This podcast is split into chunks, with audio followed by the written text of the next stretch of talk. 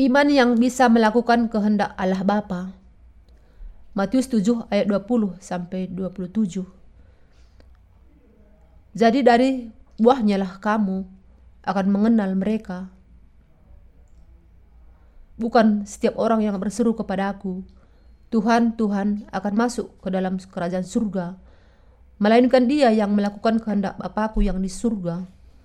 Pada hari terakhir banyak orang akan berseru kepada aku, Tuhan, Tuhan, bukankah kami bernubuat demi namamu dan mengusir setan demi namamu dan mengadakan banyak mujizat demi namamu juga.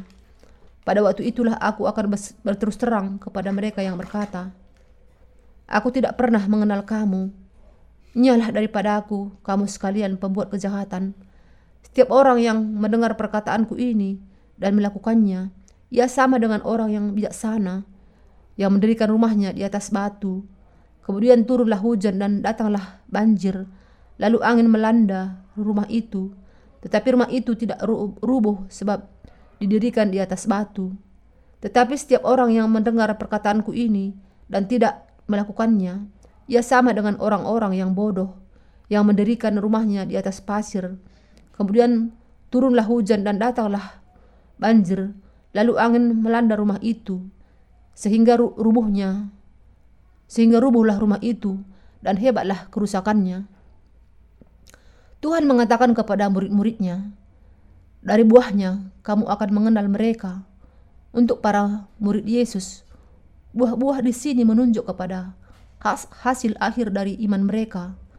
Secara sederhana, diselamatkan dari dosa sebagai hasil dari percaya kepada Injil, air, dan roh adalah buah yang diterima oleh Allah.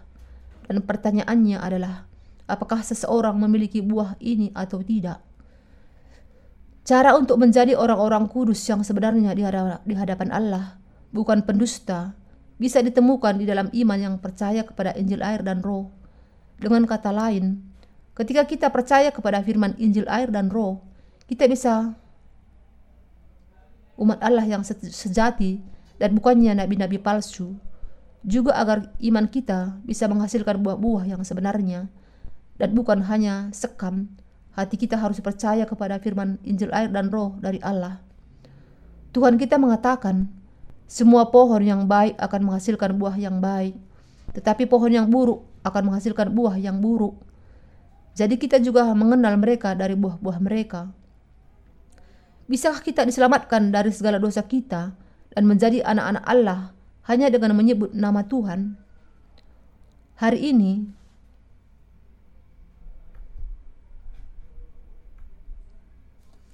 Saya akan membagikan dengan Anda jenis iman yang bisa melakukan kehendak Allah. Di dalam Matius 7 ayat 21, Yesus sendiri mengatakan, Bukan setiap orang yang berseru kepada aku, Tuhan, Tuhan akan, akan masuk ke dalam kerajaan sorga, melainkan dia yang melakukan kehendak Bapakku yang di sorga. Orang-orang yang masuk ke dalam kerajaan sorga dengan kehendak Tuhan adalah mereka yang sudah menerima pengampunan dosa dengan percaya kepada Injil air dan roh. Orang-orang kudus adalah orang yang percaya kepada Injil air dan roh. Buah yang lahir dari percaya kepada Injil air dan roh adalah diampuni dari segala dosa Anda dan menjadi orang-orang benar. Karena itu, hanya orang-orang yang melakukan kehendak Allah Bapa yang bisa masuk ke dalam surga. Kita harus memahami alasan Tuhan kita mengatakan, Bukan setiap orang yang berseru kepadaku, Tuhan, Tuhan akan masuk ke dalam kerajaan sorga, melainkan dia yang melakukan kehendak Bapakku yang di sorga. Di dalam bagian ini, Yesus mengatakan, dia yang melakukan kehendak Bapakku akan masuk ke dalam kerajaan surga. Siapa kemudian orang-orang yang melakukan kehendak Allah? Mereka adalah orang-orang yang taat kepada kehendak Allah Bapa Alkitab mengatakan, dan inilah kehendak dia yang telah mengutus aku, yaitu supaya dari semua yang telah diberikannya kepadaku, jangan ada yang hilang, tetapi supaya kubangkitkan pada akhir zaman. Sebab inilah kehendak Bapakku, yaitu supaya setiap orang yang melihat anak dan percaya kepadanya beroleh hidup yang kekal, dan supaya aku membangkitkannya pada akhir zaman. Yohanes 6 ayat 39 sampai 40. Allah sungguh-sungguh menghendaki untuk menyelamatkan semua orang berdosa dan dosa-dosa mereka. Siapa kemudian yang taat kepada kehendak Allah Bapa ini, yang percaya kepada Injil air dan roh? Pertama-tama, mereka adalah orang-orang yang percaya bahwa Allah Bapa sudah mengutus anaknya yang tunggal Yesus Kristus ke dunia ini dan membuat anaknya itu dibaptiskan oleh Yohanes Pembaptis. Bapa membuat Yesus menanggung segala dosa dunia sekali untuk selamanya. Dan mereka adalah orang-orang yang juga percaya bahwa Allah Bapa yang membuat Yesus membawa segala dosa itu ke kayu salib, disalibkan dengan dipaku kedua tangan dan kakinya dan mencurahkan darahnya sampai mati dan dengan itu membasuhkan kita dari segala dosa kita dan menanggung segala hukuman atas dosa kita. Percaya kepada kebenaran keselamatan ini adalah iman yang percaya sesuai dengan kehendak Allah Bapa. Mereka yang melakukan kehendak Allah Bapa dan percaya dengan cara yang benar, semuanya akan masuk ke surga. Karena mereka percaya kepada Injil air dan roh yang adalah kehendak Allah sendiri itu. Ini adalah pemeliharaan yang sempurna dari Allah Bapa. Kita semua harus memiliki pemahaman yang jelas akan hal ini dan kita semua harus menjadi orang-orang kudus yang percaya kepada Injil keselamatan yang demikian. Karena hanya dengan percaya kepada Injil air dan roh, kita bisa menjadi anak-anak Allah, diampuni dari segala dosa kita, dan akhirnya masuk ke dalam surga. Apakah yang dimaksud oleh Tuhan kita ketika ia mengatakan kepada kita, Bukan setiap orang yang berseru kepadaku, Tuhan, Tuhan, akan masuk ke dalam kerajaan sorga, Makna dari bagian ini adalah bahwa orang-orang yang berusaha masuk ke dalam surga tanpa iman yang dengan sepenuh hati percaya kepada pengampunan dosa yang ditetapkan oleh Allah Bapa, yaitu Injil air dan roh, tidak akan bisa masuk ke dalam surga. Dengan kata lain, Tuhan kita mengajarkan kepada kita di sini bahwa hanya karena manusia berseru memanggil namanya,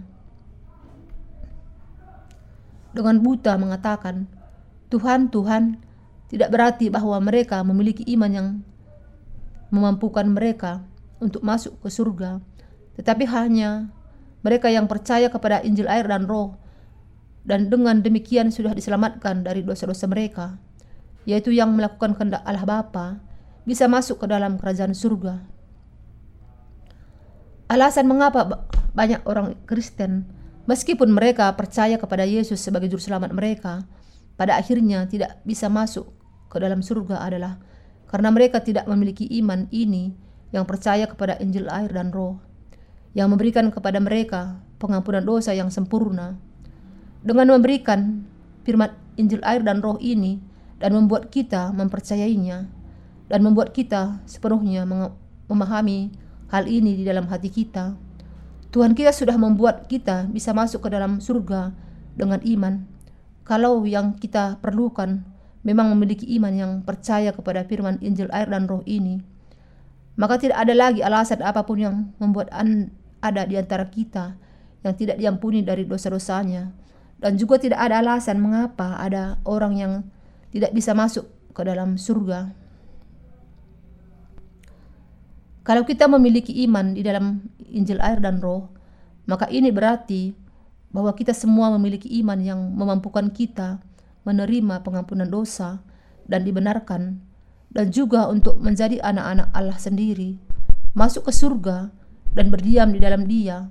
Singkatnya, mereka yang memiliki iman yang percaya kepada firman Injil air dan Roh ini, semuanya akan bisa masuk ke dalam surga karena mereka sudah diampuni dari segala dosa mereka.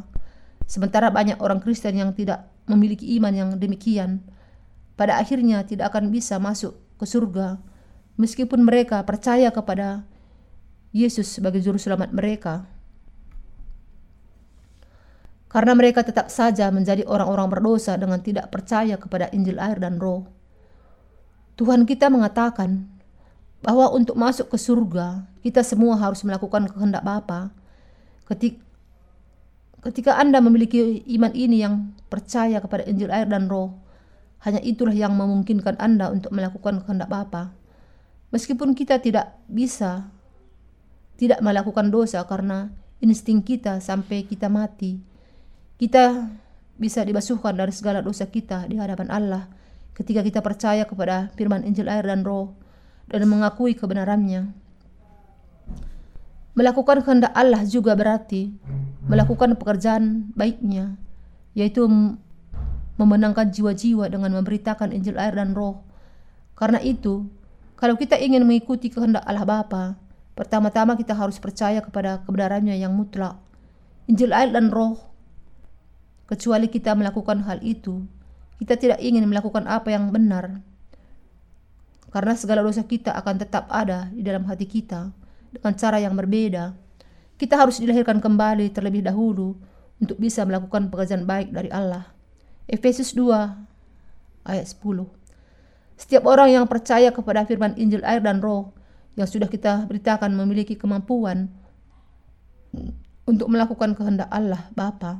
Dengan demikian, orang-orang yang percaya kepada Injil air dan roh dan mengakuinya bisa menjadi orang-orang yang memberitakan Injil air dan roh kepada orang-orang berdosa dengan penuh keyakinan. Dan meskipun mereka mungkin dianiaya dan menghadapi begitu banyak kesulitan dari pemberitaan Injil kebenaran ini, pada akhirnya mereka semua akan menjadi orang-orang yang melakukan kehendak Allah Bapa.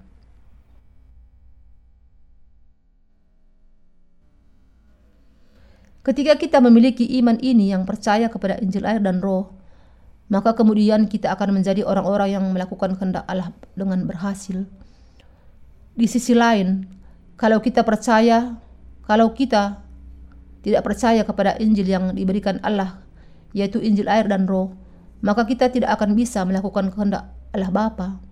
Kalau kita tidak percaya kepada Injil air dan roh, dan dengan itu belum diselamatkan dari segala dosa kita, maka meskipun kita sangat ingin untuk hidup sesuai dengan kehendak dari Bapa di surga, kita tidak akan bisa terhindar dan akan terus-menerus hidup di dalam belenggu dosa tetapi karena kita percaya dengan sepenuh hati kita kepada Injil Allah, Injil air dan roh, kita semua sudah menjadi orang-orang yang melakukan kehendak Allah dengan melayani Allah melalui Injil air dan roh.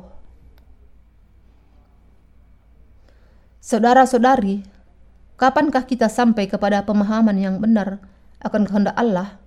Hal itu terjadi ketika kita menemukan firman Injil air dan roh dari firman Allah dan percaya kepada hal itu. Kalau kita tidak percaya kepada firman Allah, maka kita tidak akan mengenal kehendak Allah Bapa dan juga tidak akan bisa melakukan kehendaknya di dalam dunia ini. Kita harus memahami bahwa meskipun kita sudah memberi mak makan orang-orang yang lapar, merawat orang-orang yang sakit, dan memperhatikan anak-anak yatim dalam usaha kita untuk mengasihi sesama kita, untuk bisa melakukan kehendak Allah Bapa, ini sebenarnya sangat berbeda dari melakukan kehendak Allah Bapa. Dalam melakukan kehendak Allah, perbuatan baik kita dari daging kita tidak akan bisa menggantikan iman yang percaya kepada Injil air dan roh yang Tuhan sudah berikan kepada kita. Tidak ada perbuatan yang sangat baik di dunia ini yang bisa menggantikan pekerjaan iman yang percaya kepada Injil air dan roh. Kehendak Bapa yang membebaskan orang-orang berdosa. Bahkan kita bisa melakukan kehendak dari Bapa dengan percaya kepada Injil air dan roh dan memberitakannya ke seluruh penjuru dunia tidak akan bisa digantikan dengan perbuatan baik yang mungkin kita lakukan di dalam daging kita. Setelah memahami kebenaran yang ajaib ini sekaligus, kita jangan sampai membiarkan iman kita dibingungkan lagi tentang kehendak Bapa.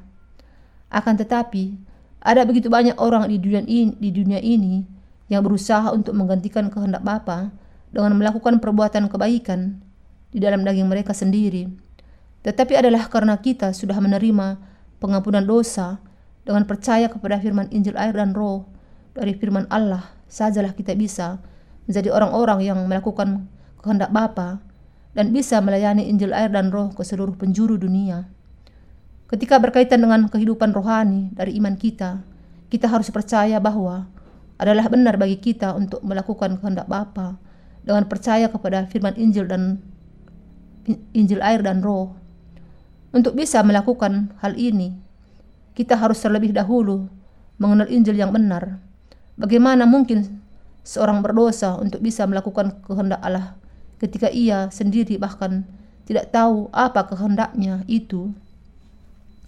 Kalau kita tidak mengenal jenis iman yang memungkinkan kita untuk hidup seturut dengan kehendak Allah Bapa, maka kita tidak akan pernah bisa memiliki kekuatan untuk melakukan kehendak Bapa di surga.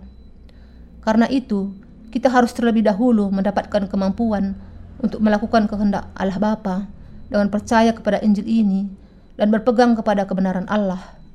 Singkatnya, kalau kita tidak memiliki iman yang percaya kepada Injil air dan roh, kemudian kita akhirnya akan dibuang oleh Allah Karena iman kita yang demikian itu sama sekali tidak ada hubungannya dengan kehendak Allah. Itulah sebabnya kita harus menguji diri kita sendiri apakah benar atau tidak kita sungguh-sungguh percaya kepada firman Allah. Apakah kita sungguh-sungguh percaya kepada Injil air dan roh dengan hati atau tidak.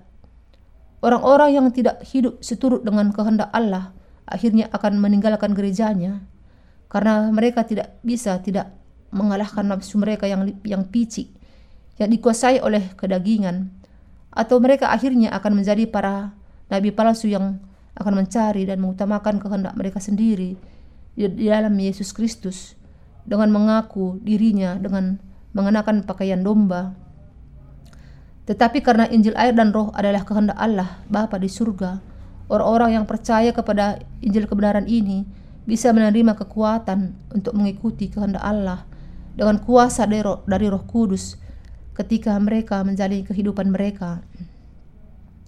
Kalau kita sungguh-sungguh ingin mengenal kehendak baik Allah kepada kita dan mengikutinya, maka kita harus terlebih dahulu percaya kepada firman Injil air dan roh. Kalau kita sungguh-sungguh percaya kepada firman Allah sebagai kebenaran, maka bahkan kalaupun Alkitab nampaknya tidak bisa dipahami, kita masih akan tetap tunduk kepada Injil air dan roh yang dinyatakan di dalam firman Allah.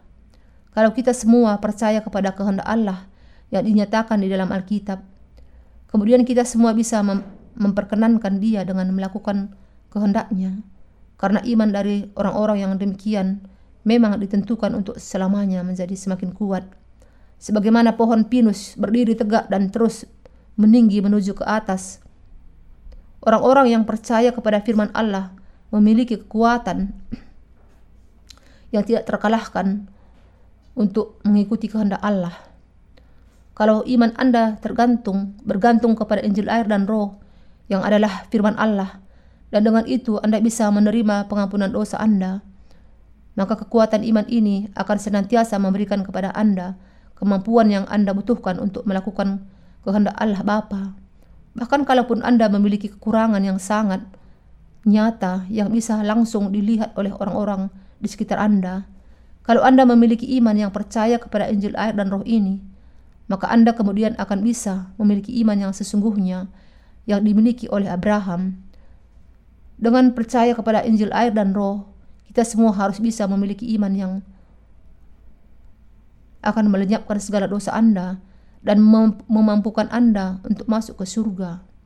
Kita akan menjalani kehidupan kita dengan mentaati dan melakukan kehendak Allah Bapa dan kita pada akhirnya akan masuk ke dalam kerajaannya. Anda dan saya kemudian harus selalu berpegang kepada iman kita akan Injil air dan roh dengan teguh, bukannya bersandar kepada keadaan di sekitar kota. Kita harus menjaga iman kita kepada firman Injil air dan roh, dan kita harus dengan setia memberitakan Injil dan menantikan Tuhan sampai hari kedatangannya. Bahkan orang-orang benar yang sudah menerima pengampunan dosa oleh iman senantiasa menghadapi banyak naik dan turun. Sebagaimana ada empat musim yang berbeda yaitu musim semi, musim panas, musim gugur, dan musim dingin di dalam alam. Orang-orang benar juga menghadapi situasi yang berbeda dalam saat yang berbeda. Kadangkala hangat yang hangat dan menyegarkan, di lain waktu menyakitkan dan menyedihkan, di lain waktu lagi begitu tenang. Akan tetapi, Iman kita tidak berbeda dari waktu ke waktu setiap saat. Meskipun keadaan kita berubah-ubah seperti ini, iman kita kepada Injil air dan roh tidak senantiasa menjaga kita dan memelihara kita dari segala kutuk. Kalau kita percaya kepada firman Allah, maka karena kita memiliki iman ini, kita tidak akan pernah menjadi kering secara rohani atau membeku sampai mati di musim dingin kita, atau mati kepanasan di musim panas atau jatuh ke dalam ketidak ketiadaan pada musim gugur atau ditaring ke dalam dunia oleh musim seminya. Tidak peduli berapa banyaknya kita naik dan turun yang kita alami dalam kehidupan rohani kita, kita bisa senantiasa melakukan kehidupan Allah sampai selamanya. Kalau kita memiliki iman yang percaya kepada Injil air dan roh, maka kita kemudian akan bisa mengalahkan semua kesulitan kita. Dan dengan iman ini, kita pada akhirnya bisa menjalani kehidupan kita yang berharga ini di hadapan Allah, Bapa dengan melakukan kehendaknya. Injil air dan roh ini cukup untuk menjadikan kita sebagai orang-orang yang hidup sesuai dengan seturut dengan kehendak Allah. Inilah sebabnya Anda dan saya harus senantiasa mempertahankan iman kita kepada Injil air dan roh, yaitu firman Allah. Dengan melakukan hal itu, kita bisa hidup dalam ketaatan kepada kehendak Allah Bapa. Apakah kita sekarang ada di dalam firman Allah atau apakah Anda yang terpenjara oleh keadaan Anda sendiri tidak bisa hidup dengan percaya kepada Injil air dan roh? Kalau ini yang terjadi, tanyakan kepada diri Anda sendiri, apakah Anda sungguh-sungguh percaya kepada kuasa Injil air dan roh atau tidak?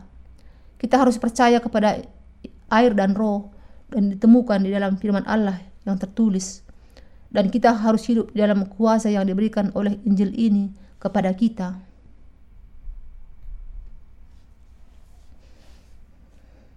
Jelasnya, dengan menerima kuasa Allah melalui iman kita kepada Injil dan roh yang yang pasti, kita semua harus menjalani kehidupan kita dengan penuh uah di dalam sukacita.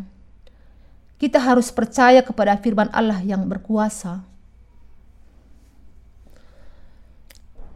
Satu hal yang saya sungguh-sungguh minta untuk Anda lakukan adalah agar Anda berpegang kepada firman Allah yang tertulis dengan iman Anda kepada setiap bagian di dalamnya. Saya tidak memiliki kerinduan yang lebih besar lagi daripada bahwa Anda percaya kepada firman Injil air dan roh. Firman Allah, karena kalau Anda tidak mau melakukannya, iman Anda akan menjadi gagal di setiap waktu karena dosa-dosa yang Anda lakukan dan Anda sendiri akan menjadi binasa karena dosa-dosa yang demikian. Kita semua harus dengan teguh berpegang kepada firman Injil air dan roh. Tanpa melakukan hal itu, kita tidak akan bisa berdiri tegak. Bahkan untuk satu kali sekali, satu hari sekalipun, tidak mungkin. Dan bukan hanya kita tidak bisa berdiri tegak, kita bahkan tidak bisa hidup sama sekali, ditentukan untuk berjalan di dalam lembah kematian. Rasul Paulus sering menegaskan tentang hal pekerjaan imanmu, usaha, kasihmu, dan ketekunan pengharapanmu. 1 Tesalonika 1 ayat 3 sebagai nilai-nilai kesalehan yang sangat ter, sangat penting bagi orang-orang kudus yang dilahirkan kembali. Bahkan kalaupun kita memiliki pengharapan untuk masuk ke surga dan kasih yang kita sudah terima dari Allah, kita tidak ada apa-apanya kalau kita tidak memiliki iman yang percaya kepada Injil air dan roh. Karena hanya Injil air dan roh inilah yang akan memampukan kita untuk menjalani kehidupan dengan nilai-nilai kesalehan yang demikian. Kalau Anda tidak percaya kepada Injil air dan roh, maka semua berkat firman Alkitabiah yang sudah dinubuatkan tidak akan lagi menjadi milik Anda, tetapi milik orang lain. Anda mungkin percaya bahwa Anda semua akan masuk ke surga di masa yang akan datang. Tetapi kalau hati Anda tidak percaya kepada Injil air dan roh, dan kemudian berpegang teguh kepada Injil itu sampai sekarang, kekuatan hidup Anda bahkan juga akan hilang. Kita tidak akan bisa terus hidup tanpa memiliki iman yang benar yang percaya kepada firman Injil air dan roh.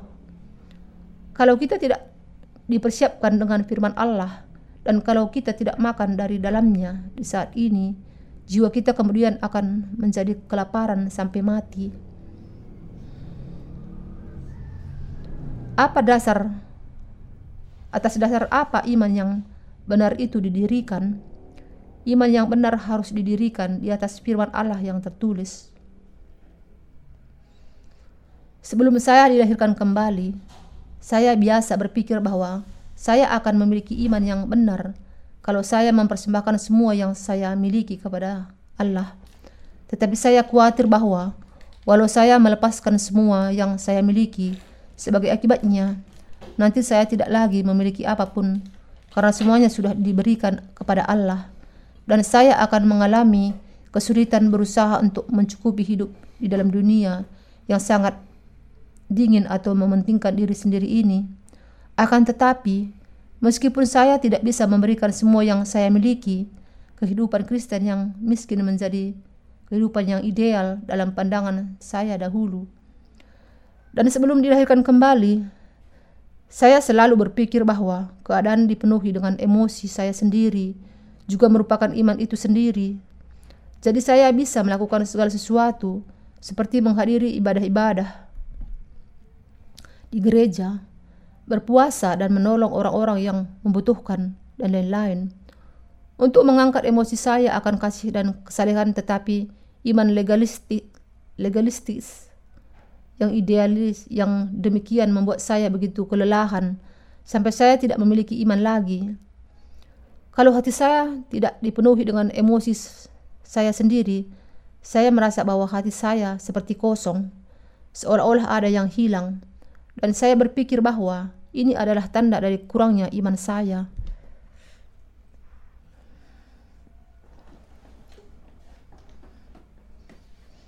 Di mana kemudian saya menemukan iman saya yang benar, yang sepenuhnya berbeda dengan iman kosong yang saya miliki sebelum itu. Saya menemukannya di dalam firman Injil air dan roh yang tertulis. Karena firman kebenaran yang berpegang kepada Injil air dan roh itu ada di dalam Alkitab, dengan percaya kepada firman Allah ini, saya bisa diampuni dari segala dosa saya.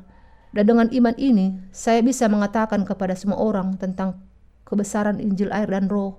Dengan percaya kepada Injil air dan roh, dengan kata lain, saya bisa melakukan kehendak Allah, Bapa dan berdiri dengan berani di hadapannya.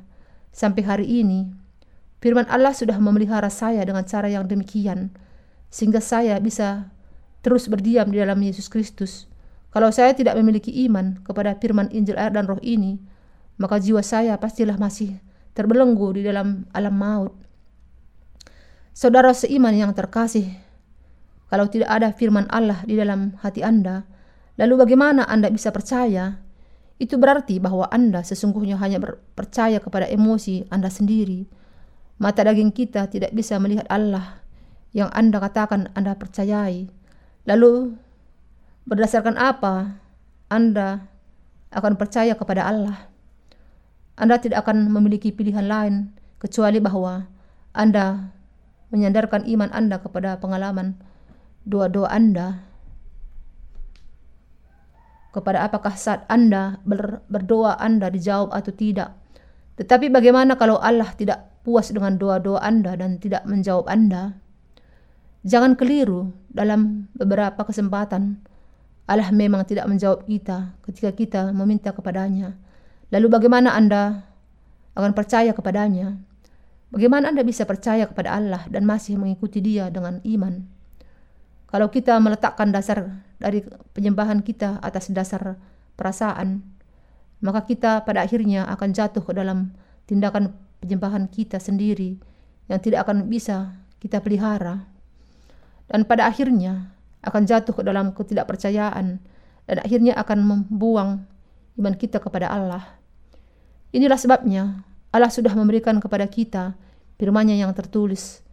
Dengan memberikan kepada kita firman Allah yang tertulis, Ia sudah memampukan kita untuk bertemu dengan Dia di dalam Injil air dan Roh dengan berpegang kepada firman Allah ini untuk bisa memiliki pengharapan akan janji-janjinya dan untuk melakukan kehendak Allah sampai akhirnya. Kita harus berpegang kepada firman Allah dan percaya kepada hal itu. Hanya dengan itu kita bisa sungguh-sungguh menjadi umat beriman yang sungguh-sungguh percaya kepada firman-Nya dan memiliki iman yang walaupun hanya kecil biji sesawi dan sebagaimana Tuhan kita katakan bahwa kita akan baptisan memindahkan gunung ke dalam laut jika kita memiliki iman yang hanya kecil biji sesawi pun kita semua bisa menjadi umat beriman yang bisa memenangkan seluruh dunia bagi Kristus. Karena itu, Anda dan saya bisa berpegang kepada firman Allah dengan kokoh dan kita harus percaya kepada firman-Nya secara apa adanya dengan tepat.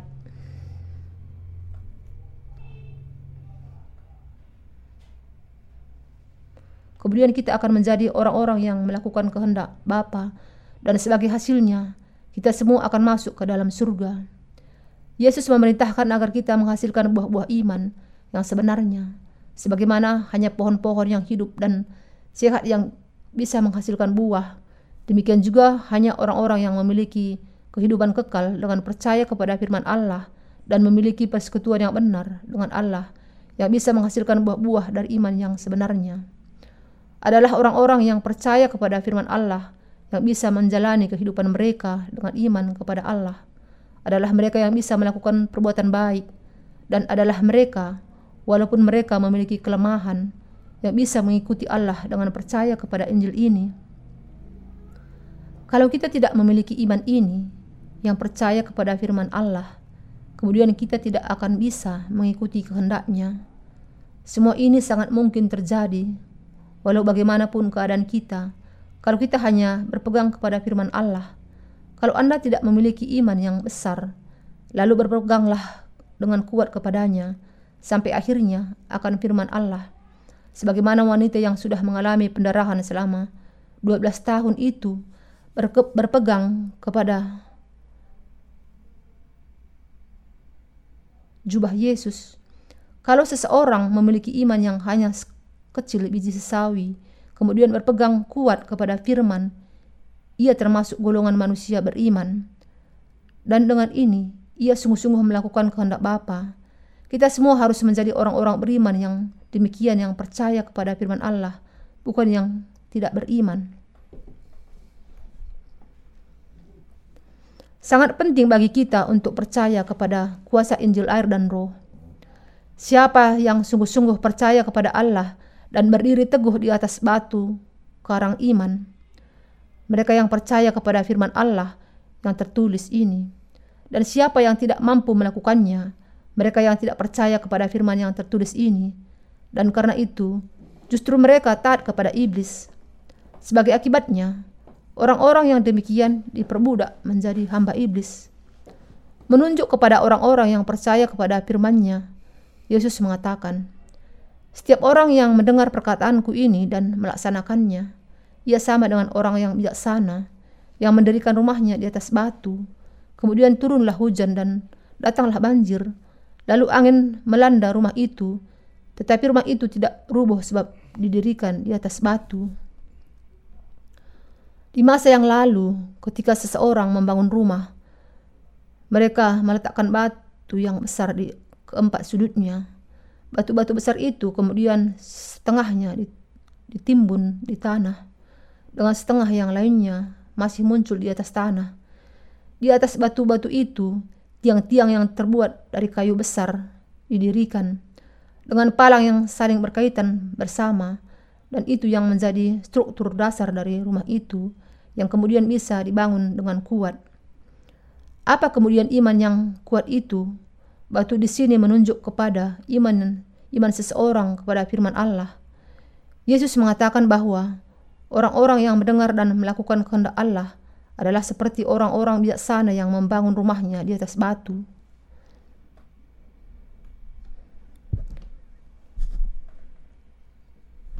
Karena ia mendirikan imannya di atas firman Allah yang kokoh seperti batu.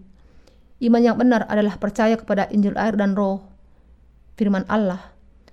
Kita cenderung untuk meletakkan dasar bagi iman kita kepada pengalaman-pengalaman kita sebagai contoh, banyak orang Kristen sangat antusias ketika mendengar kesaksian tentang apa yang dilihat seseorang dalam penglihatannya atau didengarnya ketika sedang berdoa. dan mereka sangat ingin mendapatkan pengalaman mistis. Demikianlah mis Demikianlah mistisisme Kristen bisa terus bertumbuh di dalam kekristenan masa kini. Tetapi Anda harus mengerti bahwa iman yang didasarkan kepada pengalaman mistis itu hanyalah akan bertahan sampai pengalaman yang selanjutnya terjadi dan bahwa yang yang dilihat oleh mata kita bukanlah yang bukanlah sesuatu yang kekal dan bahwa apa yang dilihat mata bukanlah sesuatu yang bisa dipercayai. Mengapa? Karena semuanya itu tidaklah kekal karena semuanya itu hanya akan bertahan untuk sementara waktu dan kemudian akhirnya akan lenyap. Dan karena percaya kepada apa yang tidak sempurna, tidak akan menghasilkan iman yang benar. Iman kepada Allah berarti kepada firman kebenaran yang mutlak dan yang tidak berubah dan percaya kepada firman Allah ini adalah yang dimaksud dengan iman rohani yang sebenarnya. Orang-orang yang diselamatkan dengan percaya kepada Injil Allah firman Injil air dan roh, dan dengan itu melakukan kehendak Bapa adalah orang-orang yang memiliki iman yang benar. Kita bisa mengerti dan percaya kepada Allah dengan benar hanya ketika kita percaya kepada Injil air dan roh. Injil air dan roh diberikan Tuhan kepada kita. Tidak pernah berubah. Untuk percaya kepada apa yang dikatakan Tuhan kita adalah iman yang sungguh-sungguh percaya kepada Injil ini. Inilah iman yang diterima oleh Allah.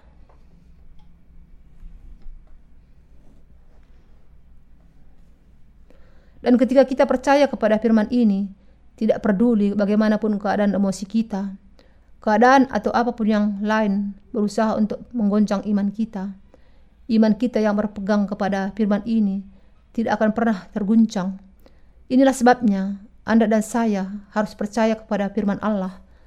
Saudara dan saudari, apakah Anda sungguh-sungguh percaya kepada firman Allah? Apakah Anda sungguh-sungguh mau berpegang kepada firman Allah? Adalah doa saya yang paling tulus agar Anda juga akan senantiasa berpegang kepada firman Allah di sepanjang kehidupan Anda. Orang-orang yang melakukan kehendak Allah semuanya akan percaya kepada Injil air dan roh ini. Orang-orang beriman yang demikian seperti Rasul Paulus, Yohanes, Petrus yang adalah orang-orang yang sangat kita kenal juga sering mengutip firman dari perjanjian lama dan mereka adalah orang-orang beriman yang teguh beriman kepada juru selamat yang dinyatakan di dalam perjanjian lama dan menantikan dia. Di zaman itu belum ada perjanjian baru. Tetapi ketika mereka percaya kepada firman yang tertulis di dalam perjanjian lama dan kepada Yesus Kristus yang datang di, di dalam air dan darah. 1 Yohanes 5 ayat 6 Roh Kudus berdiam di dalam kehidupan mereka dan bekerja di dalam kehidupan mereka dan sejak saat mereka bertemu dengan Yesus, mereka kemudian bisa mengikuti Tuhan. Kita sungguh-sungguh harus percaya kepada firman Allah, tertulis yang tidak akan berubah. Dengan melakukan hal itu, kita semua harus menjadi orang-orang beriman yang tidak pernah goyah di hadapan Allah. Dan dengan melakukan hal itu, kita harus mengikuti kehendak Allah, hidup di dalam jenis iman yang berkenan kepadanya, dan menjadi orang-orang yang menghasilkan buah-buah rohani Orang-orang yang percaya kepada firman Allah tidak memiliki kekhawatiran meskipun saat banjir datang dan angin keras bertiup. Tetapi bagi mereka yang tidak percaya kepada firman Allah, Injil air dan roh ini semuanya akan roboh ketika banjir datang dan angin keras bertiup. Dan hanyalah dan hebatnya lah dan hebatlah kerusakannya Alasan untuk hal ini adalah karena iman mereka adalah iman mereka kepada Allah didirikan di atas dasar pemikiran mereka sendiri. Di dalam Alkitab, tanah atau pasir melambangkan pemikiran manusia pribadi. Sebagai contoh, kitab Kejadian menjelaskan bahwa ketika orang-orang di zaman kuno membangun menara Babel, mereka menggunakan batu bata dan segala tergala-gala untuk membangunnya. Batu bata itu terbuat dari apa? Batu bata terbuat dari pasir dan tanah dari bumi ini. Yang dikatakan di dalam firman Allah di sini adalah bahwa mereka membangun menara itu di atas dasar pemikiran buatan manusia sendiri. Di dunia sekarang ini juga ada orang-orang yang membangun rumah iman mereka dengan batu bata, demikian yang terbuat dari campuran tanah dan semen. Semuanya untuk menantang Allah. Ketika mereka seharusnya membangun rumah iman mereka untuk menjadikannya rumah yang kuat dengan percaya kepada firman yang diberikan Allah melalui ketulusan yang murni, untuk percaya dengan pemikiran manusia yang tidak tulus, dan untuk percaya kepada hikmat pribadi manusia sendiri, kemampuan mereka sendiri, dan kekuatan mereka sendiri. Semuanya itu tidak lebih dari sekedar membangun rumah di atas pasir, tetapi percaya kepada firman Injil air dan roh. Firman Allah adalah iman yang sesungguhnya, yang sungguh-sungguh seperti batu karang. Agar iman kita menjadi kuat seperti batu, kita harus kembali kepada jenis iman yang percaya kepada setiap bagian dari firman yang tertulis di dalam Alkitab Ketika kita melakukan hal itu, iman kita akan dikuatkan. Tetapi kalau kita tidak melakukan hal ini dan justru percaya kepada pemikiran dan keadaan kita sendiri, maka kita akan gagal dan hebatlah kerusakannya. Sebagaimana yang dikatakan Yesus sendiri kepada kita, percaya pemikir, kepada pemikiran kita sendiri dengan kata lain hanya berarti bahwa iman kita akan runtuh cepat atau lambat. Lalu bagaimana dengan diri Anda sendiri? Apakah Anda sungguh-sungguh percaya kepada firman Allah yang tertulis? Kalau ya, maka Anda semua akan menjadi orang-orang yang beriman. Sebagaimana Abraham. Allah sudah memerintahkan kepada Abraham untuk meninggalkan negaranya, meninggalkan keluarganya dan rumah ayahnya ke suatu tempat yang akan ditunjukkannya kepadanya. Apakah Allah menampakkan diri kepada Abraham seperti seorang seseorang melihat penampak penampakan? Tidak. Allah berbicara kepada Abraham dengan menggunakan firman-Nya. Abraham pada gilirannya berpegang pada apa yang dikatakan Allah kepadanya dan pergi ke tempat yang dikatakan Allah kepadanya. Tanpa firman Allah, Abraham senantiasa merasa kalah. Karena itu ia membangun mesbah dan berulang kali mempersembahkan korban bakaran kepada Allah dan berdoa di sana. Dalam satu kesempatan ketika Abraham membangun sebuah mesbah dan memberikan korban persembahan imannya kepada Allah, Allah menampakkan diri lagi kepadanya dan seperti yang terjadi sebelumnya, ia tidak menampakkan diri seperti hantu.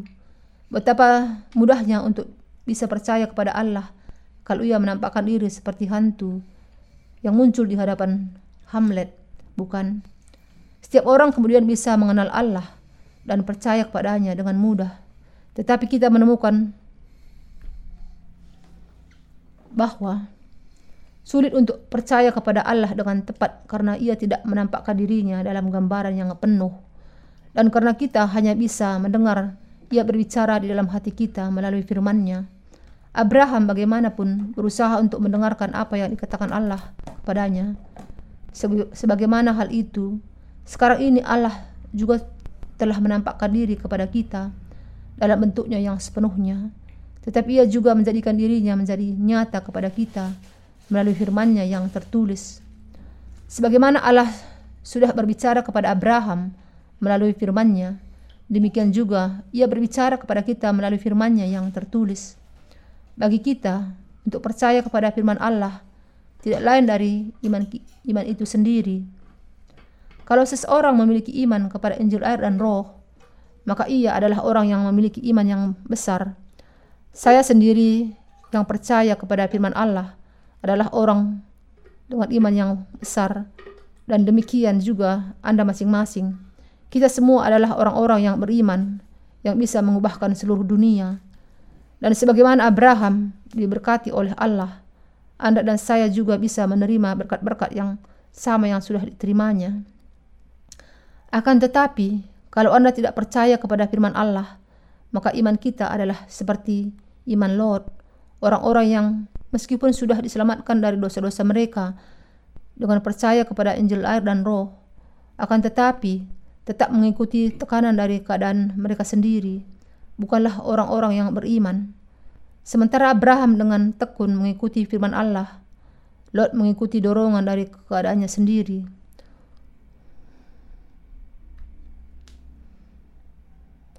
Lot sudah menjadi kaya ketika ia masih hidup bersama dengan pamannya Abraham. Tetapi sedikit demi sedikit ia mulai berpikir bahwa kalau ia tetap tinggal bersama dengan pamannya, maka akhirnya ia akan kehilangan banyak ternaknya. Lebih lagi, sementara pamannya sebenarnya sudah memberikan pertolongan yang sangat besar kepada Lot sebelumnya. Sekarang pertolongan dari Abraham justru dirasakannya sebagai sesuatu yang tidak ada gunanya. Karena Lot itu, karena itu, Lot kemudian mencari alasan untuk meninggalkan pamannya. Dan seperti yang diharapkannya, suatu hari alasan itu muncul. Ada pertengkaran antara para gembala Abraham dengan gembala ternak Lot. Karena binatang ternak mereka memang sudah sangat banyak sekali, sehingga mereka tidak bisa tinggal bersama-sama. Lalu Abraham berpikir, Aku lihat bahwa Lot sekarang percaya kepada keadaannya sendiri. Ketika ia meninggalkan Ur Kasdim, tanah asal kami, ia berharap kepada aku dan ia sudah mengikuti aku dengan percaya kepada Allah yang aku percayai. Tetapi sekarang setelah ia menjadi kaya, ia melakukan apa pun yang diinginkannya sesuai dengan kehendak pribadinya. Abraham kemudian mengatakan kepada Lot, "Kalau kami menginginkan demikian, silahkan saja meninggalkan aku. Kalau kamu menuju ke Kanaan, aku akan menuju ke kiri, atau jika kamu menuju ke kiri, aku akan menuju ke kanan. Putuskanlah yang mana yang engkau kehendaki, yang ini atau yang itu. Lot kemudian memilih lembah Yordan. Tempat yang dipilih oleh Lot adalah tempat di mana kota Sodom dan Gomora terletak, yang pada akhirnya nanti menghadapi penghukumannya dengan api dan dihancurkan. Tetapi sebelum kehancuran itu tiba, tempat itu adalah tempat yang sangat yang sangat subur seperti Taman Eden. Nampaknya daerah itu adalah tempat yang sangat ideal untuk memelihara ternak. Abraham kemudian berkata kepada Lot, "Karena engkau memilih tempat itu, aku akan memilih tempat yang lainnya." Kemudian Abraham memilih tempat yang bertolak belakang dengan yang dipilih Lot. Ia justru pergi ke pegunungan dan bukannya ke lembah Yordan. Mengapa? Karena Abraham tahu bahwa hati Lot tidak benar. Allah kemudian menampakkan diri kepada Abraham dan mengatakan kepadanya, Pandanglah sekelilingmu dan lihatlah dari tempat engkau berdiri itu ke timur dan barat, utara dan selatan, sebab seluruh negeri yang kau lihat itu akan kuberikan kepadamu dan kepada keturunanmu untuk selama-lamanya. Kejadian 13 ayat 14 sampai 15. Allah memang sungguh-sungguh memberkati Abraham sebagaimana yang sudah dijanjikannya, memberikan kepadanya tanah perjanjian itu. Abraham bapa dari bangsa Ibrani sebenarnya tidaklah lebih dari sekedar seorang nomaden pengembara yang sudah meninggalkan Urkasdim menuju ke tanah Kanaan. Kata Abraham sendiri sebenarnya berarti orang yang melintasi secara khusus sungai Efrat. Alasan mengapa Abraham ini yang adalah orang asing di tanah Kanaan yang diasingkan dan diancam kemudian bisa menjadi orang beriman adalah karena ia percaya kepada Allah. Anda dan saya juga adalah orang-orang yang beriman karena kita percaya kepada firman yang tertulis. Apakah firman yang tertulis ini pernah mencair dan berubah karena panasnya musim panas? Apakah ia pernah membeku dan hancur karena dagingnya? Dinginnya musim dingin. Langit dan bumi bisa berubah, tetapi firman ini tidak pernah berubah dan tidak ada suatu kota atau satu bagian pun yang akan hilang sebelum ia digenapi.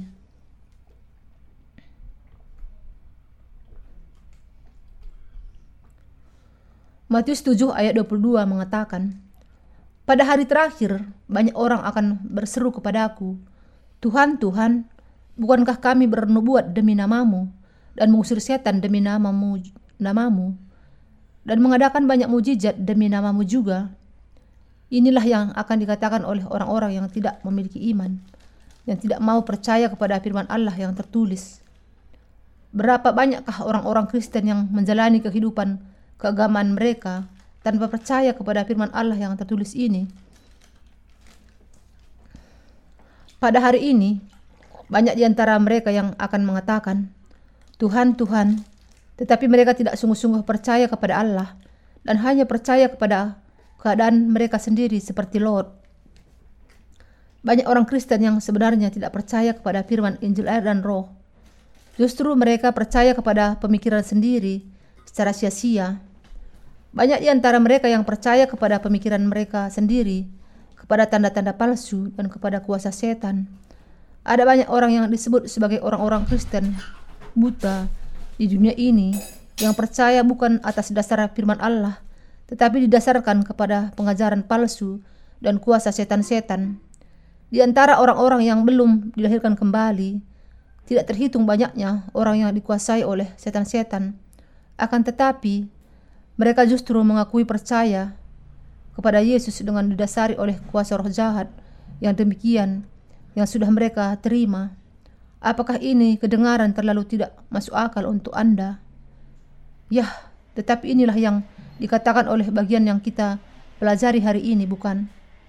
Memang inilah yang dikatakan di dalam Matius 7 ayat 22 di atas yang mengatakan Bukankah kami sudah bernubuat demi namamu, mengusir setan dengan namamu, dan melakukan banyak mujizat di dalam namamu? Orang-orang yang dikuasai roh jahat sangat ahli dalam mengenal mengenal roh-roh jahat dan mengusirnya.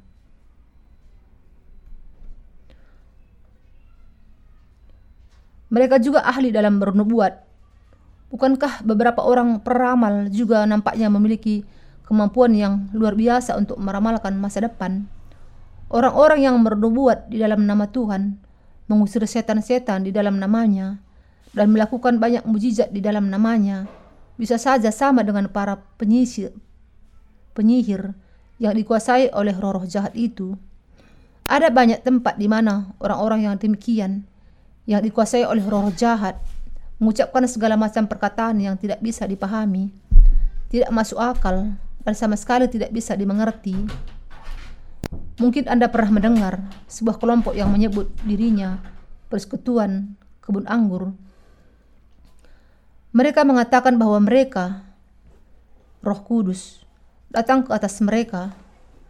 Mereka akan tertawa tanpa bisa di, dikendalikan, membuat suara-suara binatang seperti domba, kuda, dan bahkan singa yang mengaum dan mengalami apa yang mereka sebut sebagai mabuk rohani, di mana mereka kehilangan keseimbangan nalarnya yang berakibat mereka ikut dalam tertawa yang histeris.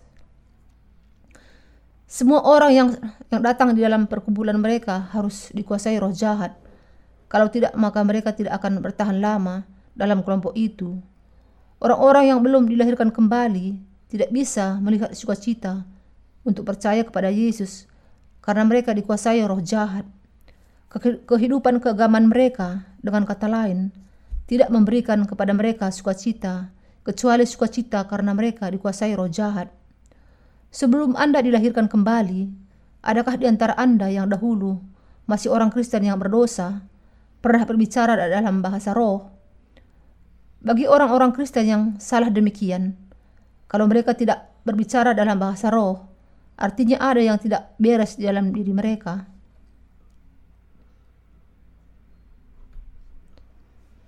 Karena itu, mereka berulang kali mengucapkan kata-kata yang tidak bisa dipahami, tidak punya arti dan tidak bisa dimengerti berulang-ulang kali. Dan mereka percaya bahwa mereka memang harus senantiasa berbicara dalam bahasa roh yang demikian. Tetapi pada hakikatnya, ini hanya berarti bahwa roh jahat sudah memasuki mereka menyebabkan mereka terus mengucapkan kata-kata yang sepenuhnya tidak bisa dimengerti sama sekali. Dengan kata lain, mereka merasa senang karena mereka mabuk dengan kuasa roh jahat. Orang-orang yang mengatakan bahwa tubuh mereka bisa bersikap secara sembrono bukan karena keinginan mereka sendiri, tetapi karena suatu kuasa yang tidak diketahui bahwa lutut mereka mengambang di atas lantai setinggi 10 inci ketika mereka ter, mereka melompat Semuanya yang mengatakan bahwa Mereka sama sekali tidak merasa takut di dalam sebuah lubang yang ada di pegunungan yang sangat ter, terpencil untuk berdoa. Mereka yang mengatakan bahwa kuasa supernatural keluar dari diri mereka. Mereka yang mengatakan bahwa mereka ingin sekali memeluk seseorang, siapa saja, dan kemudian menumpangkan tangan ke atas orang lain, itu untuk berdoa. Orang-orang yang demikian dikuasai oleh roh jahat. Ketika orang-orang yang demikian melihat orang itu yang dimasuki roh jahat, mereka akan mengatakan, Aku tengking engkau iblis. Di dalam nama Yesus keluar. Mereka mengatakan hal ini karena mereka berpikir bahwa dengan cara itulah roh-roh jahat bisa diusir. Tetapi kenyataannya, satu-satunya alasan mengapa roh jahat terusir adalah karena roh jahat itu lebih lemah daripada roh jahat yang mengusir orang yang menengkingnya itu. Demikianlah orang-orang yang tidak percaya kepada firman Injil air dan roh semuanya adalah pelaku kejahatan. Inilah sebabnya manusia harus berpegang kepada firman Allah. Setiap hari, dalam segala waktu, kita harus senantiasa berpegang kepada firman ini yang sudah membawa keselamatan bagi kita. Firman ini memiliki kuasa yang sama sekarang sama dengan masa lalu karena ia adalah kehidupan dan kuasa firman Allah. Kuasa kebenaran, kekuatan, kasih dan keselamatan semuanya terdapat di dalam firman ini dan senantiasa ada di dalamnya. Firman ini kemudian mengubahkan kehidupan dan memberikan kepada kita kekuatan dan memegang kita dengan teguh di dalam iman. Dengan demikian, dengan percaya kepada firman ini dan berpegang kepadanya, sajalah kita bahkan bisa memindahkan gunung, sebagaimana yang dikatakan Tuhan, bahwa kita tidak bisa melakukan kehendak Tuhan kita dan mengikuti Dia sampai akhirnya, dan sebagai hasil dari semuanya ini adalah menjadi hamba-hamba dari kebenaran Allah, pekerja-pekerja di dalam kerajaannya. Oleh karena itulah, mutlak harus ada di dalam kita iman yang percaya kepada firman Allah yang keluar dari Injil air dan roh. Kalau Anda percaya kepada firman, firman Allah dan berpegang kepadanya, Anda semua akan menjadi umatnya sendiri. Anda kemudian juga akan menjadi orang-orang yang bisa melakukan kehendak Allah Bapa. Kalau Anda sungguh-sungguh percaya kepada firman Allah ini, maka Anda semua akan bisa mengalami, memahami betapa lengkapnya firman Injil air dan roh yang tercakup di dalam keseluruhan Alkitab. Tetapi bahkan sekalipun Anda sudah menerima pengampunan dosa dengan percaya kepada Injil ini, teruslah berpegang kepada firman Allah yang tertulis. Karena kalau Anda tidak melakukannya, iman Anda akan tersesat dengan segera. Kalau kita tidak berpegang kepada firman Allah, kita ditentukan untuk justru berpegang kepada pemikiran kita sendiri yang penuh celah dan akan menjadi mustahil bagi kita untuk bisa senantiasa berdiri teguh di hadapan Allah. Tetapi dengan mendengar dan membaca firman Allah melalui gerejanya, kita bisa senantiasa mendapatkan kekuatan baru, menerima firman penuh kuasa itu setiap saat, dan senantiasa mengikuti Tuhan dengan iman. Percayalah sekarang bahwa Anda semua bisa melakukan kehendak Allah Bapa dengan percaya kepada kuasa Injil air dan roh.